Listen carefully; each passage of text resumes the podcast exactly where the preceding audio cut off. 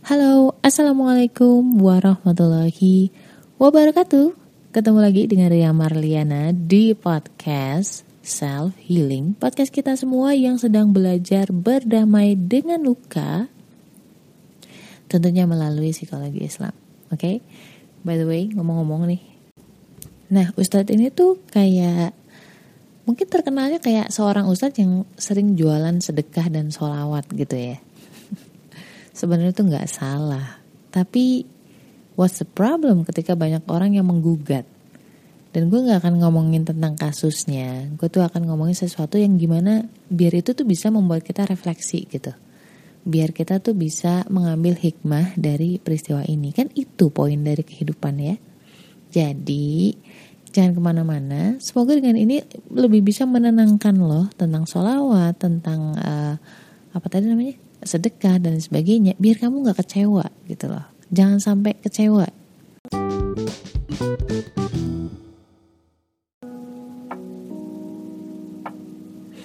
Ada orang bijak bilang bahwa ketika lu punya apa namanya lu punya ilmu tapi nggak ada niat yang baik ya nggak ada hati yang baik itu jadinya lu sesat. Ya tapi sebaliknya ketika lu punya amal atau niat yang baik Tapi kamu gak punya ilmunya Itu jadi apa judulnya ya Jadi apa ya Kecewa ujungnya juga jadi dia kalin gitu sih Dan mungkin itu ya kalimat yang kedua agak menohok sih di zaman sekarang. Kita banyak ingin melakukan kebaikan tapi nggak tahu ilmunya. Begitu juga dengan sedekah, dengan solawat. Kadang kita nurut aja gitu, ya kan? Kita udah percaya sama ustadz gitu misalkan, tapi kita nggak kaji sendiri. Kan kita juga punya akal sendiri. Bagaimana caranya agar kita, oh iya ya, makin mantep gitu. Kita harus cari dalil yang memang hmm, apa gue bilang ya sohih gitu-gitu kan terus riwayatnya gimana asbabun nuzulnya atau sebab sebab akibatnya turun ayat ini tuh apa kayak gitu kan Nah, cuman kalau masalah hukumnya tentang sholawat dan juga tentang sedekah, gua rasa bukan gua orangnya. Oke, okay? gua akan lebih sorotin ini dari sisi psikologisnya.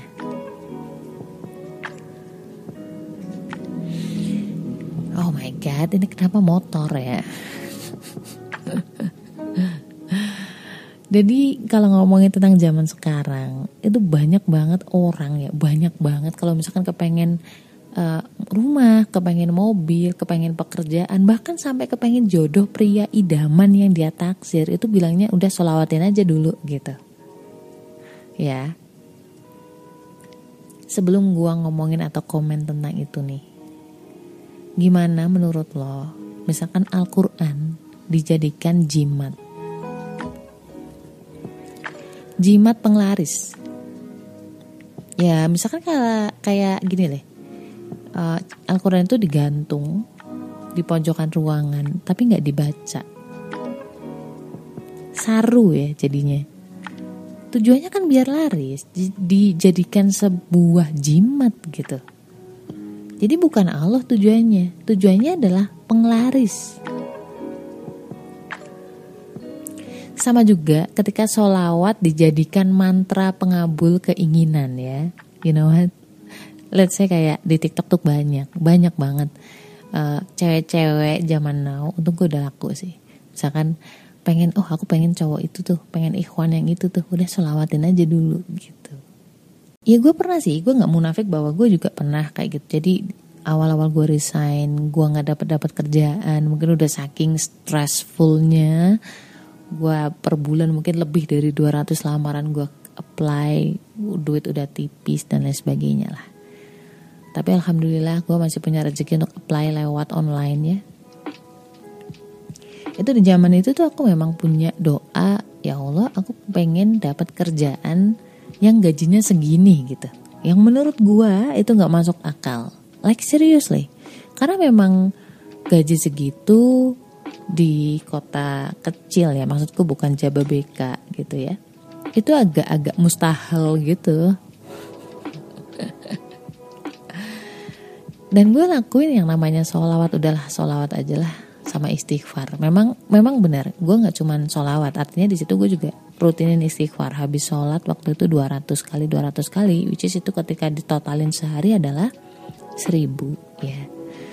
Bukan bukan bukan gimana gimana gue kalau misalkan nggak ditarget begitu itu bisa by mood gitu. Sesuai mood aja kalau lagi pengen ngucapin kalau enggak enggak makanya gue bikin target per day. Sampai uh, memang tujuanku waktu itu udah mikir udah kerjaan dulu deh kerjaan dulu gitu. Dan kejadian kurang lebih sebulanan gue rutinin bahkan ketika gue mens itu gue tetap ngelakuin itu. Tetap sholawatan tetap uh, apa namanya istighfar ya. Dan aku sempat kaget juga waduh ternyata emang bener ya? Masya Allah gitu tentang sholawat itu. Tapi gue harus jujur setahun pertama aku kerja di situ aku tuh dilanda keraguan. Ini bener nggak ya? Bener nggak sih sebenarnya yang aku inginkan gitu? Ini bener nggak kerjaan yang Allah ridhoi? Bener nggak kalau pekerjaan ini adalah baik untukku untuk duniaku dunia keluargaku akhiratku dan akhirat keluargaku gitu atau jangan-jangan aku mendikte Allah dengan sogokan solawat dan juga istighfar. Ya. Terus gue juga mikir lagi nih, gimana dengan mereka yang uh, menunjukkan menunjukkan apa ya namanya ya, melakukan solawat atau sedekah dengan tujuan dunia. Gini-gini, bukannya nggak boleh berdoa gitu enggak, tetapi yang jadi problem adalah kita tuh menukar ibadah yang sifatnya akhirat, yang harusnya hadiahnya itu lebih dari dunia, ya. Harusnya tuh tujuannya adalah ridhonya Allah. Tapi aku menukar dengan seonggok dunia ya. Dalam kasusku adalah pekerjaan misalkan. Kalau misal dari kasus lo mungkin cowok ya. Atau dari kasus lo misalkan rumah handphone apa pun itulah. Karena kan sebenarnya ibadah itu dimensinya tuh akhirat gitu. Mau sedekah mau solawat beda cerita ketika kita itu berdoa. Berdoa mau dunia jelas boleh. Tapi kalau ibadah it will be different gitu loh.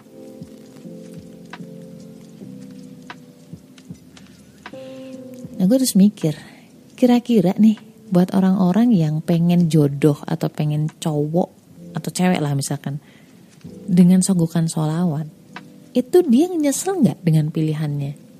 Ya, kan pasti semua orang akan diuji atas pilihannya, bener nggak? Mereka nyesel, apakah jangan-jangan ternyata pilihanku salah nih ternyata dia bukan pria yang sebaik yang gue pikir misalkan kan kita minta atas dasar kacamata kacamata kita aja gitu gimana misalkan dunia itu nggak sesuai sama perhitungan kita gitu kan siapa yang bakal mereka salahkan tapi gue mikir Allah tuh nggak pernah jahat sama kita jangan-jangan Allah itu hendak mengajarkan kita artinya ikhlas niatan yang lurus ya. Karena yang pertama nih, ketika ketika niat kita lurus ya, itu kita nggak akan pernah kecewa apa pun hasilnya. Contoh ya, kita sedekah 10 juta, berharap balis, balasan 100 juta. Kalau niatnya lurus ya, kita sholawat karena Allah, misalkan sedekah karena memang mengikuti perintah Allah, mencari ridho Allah itu nggak akan jadi masalah misalkan belum dapat yang 100 juta misalkan nggak dapat pekerjaan yang kita inginkan misalkan pria yang kita incar dia menikah dengan cewek lain karena dia berpikir bahwa mungkin belum dikasih atau mungkin ditahan untuk di akhirat nanti. Or atau Allah akan ganti dengan yang lebih baik. Nah Perkaranya adalah kalau misalkan niat kita nggak lurus nih, ketika kita nggak mendapatkan apa yang menurut kita baik nih, apa yang kita inginkan, pasti kecewa. Terus kita marah sama Allah, ya kan? Terus kita berhenti untuk bersolawat, kita nggak percaya lagi untuk sedekah. Berarti niat kita nggak ikhlas. Dan ternyata lebih sarunya lagi, lebih kurang ajarnya lagi adalah sebenarnya kita itu mendikte Allah nyuruh-nyuruh Allah atas keinginan kita. Karena hakikat berdoa itu apa sih? Menghamba. Kita mengakui dan berserah bahwa Allah itulah yang maha kuasa, Allah maha tahu. Allah lah penentu skenario yang terbaik.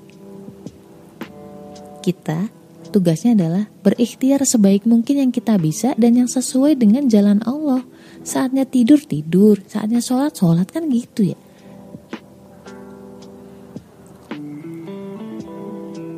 Bukankah di At-Tolak ayat 2 sampai 3 sebenarnya disebutkan kan barang siapa yang bertakwa sama Allah artinya kita juga mengharap ridho Allah ikhlas itu Allah pasti akan kasih kita jalan yang nggak disangka-sangka gitu.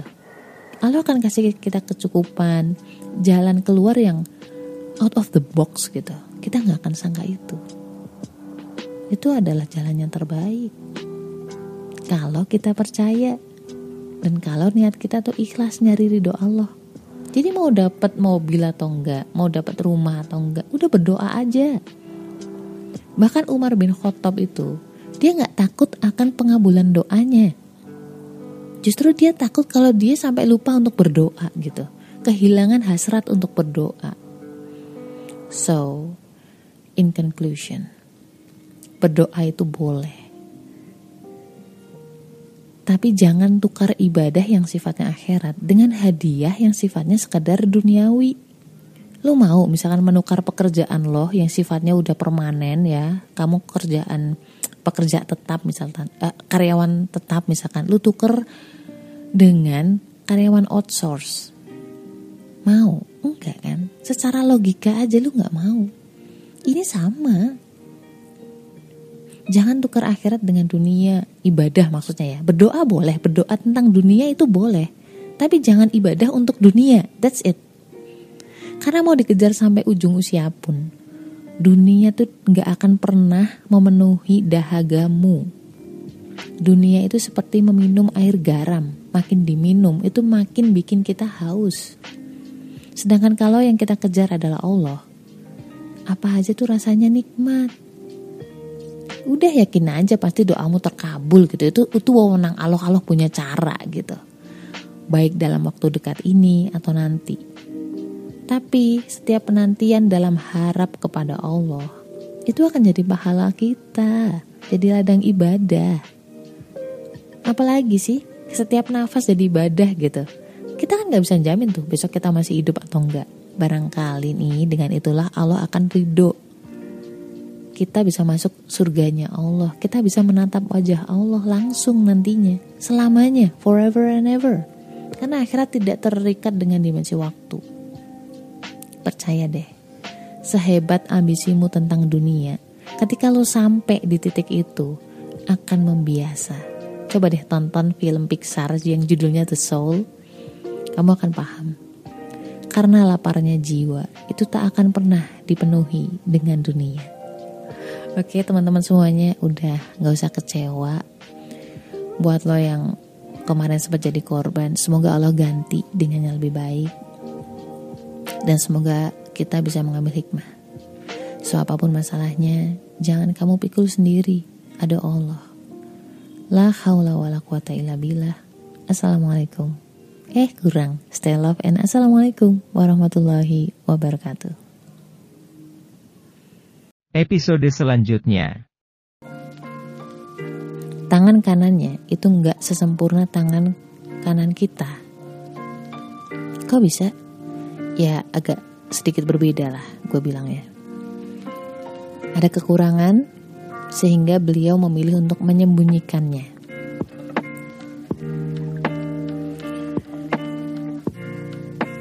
Jadi si ibu ini mungkin takut apa ya takut ditolak gitu ya. Entah gue nggak ngerti dulunya dia punya pengalaman seperti apa sejak kecilnya. I don't know. Jangan kan si ibu itu gitu. Yang mana kekurangannya itu bisa dilihat gak cuman olehnya, tapi juga oleh orang lain.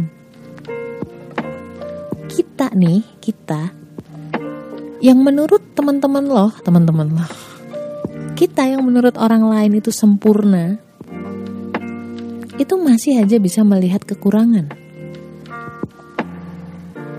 Ya enggak?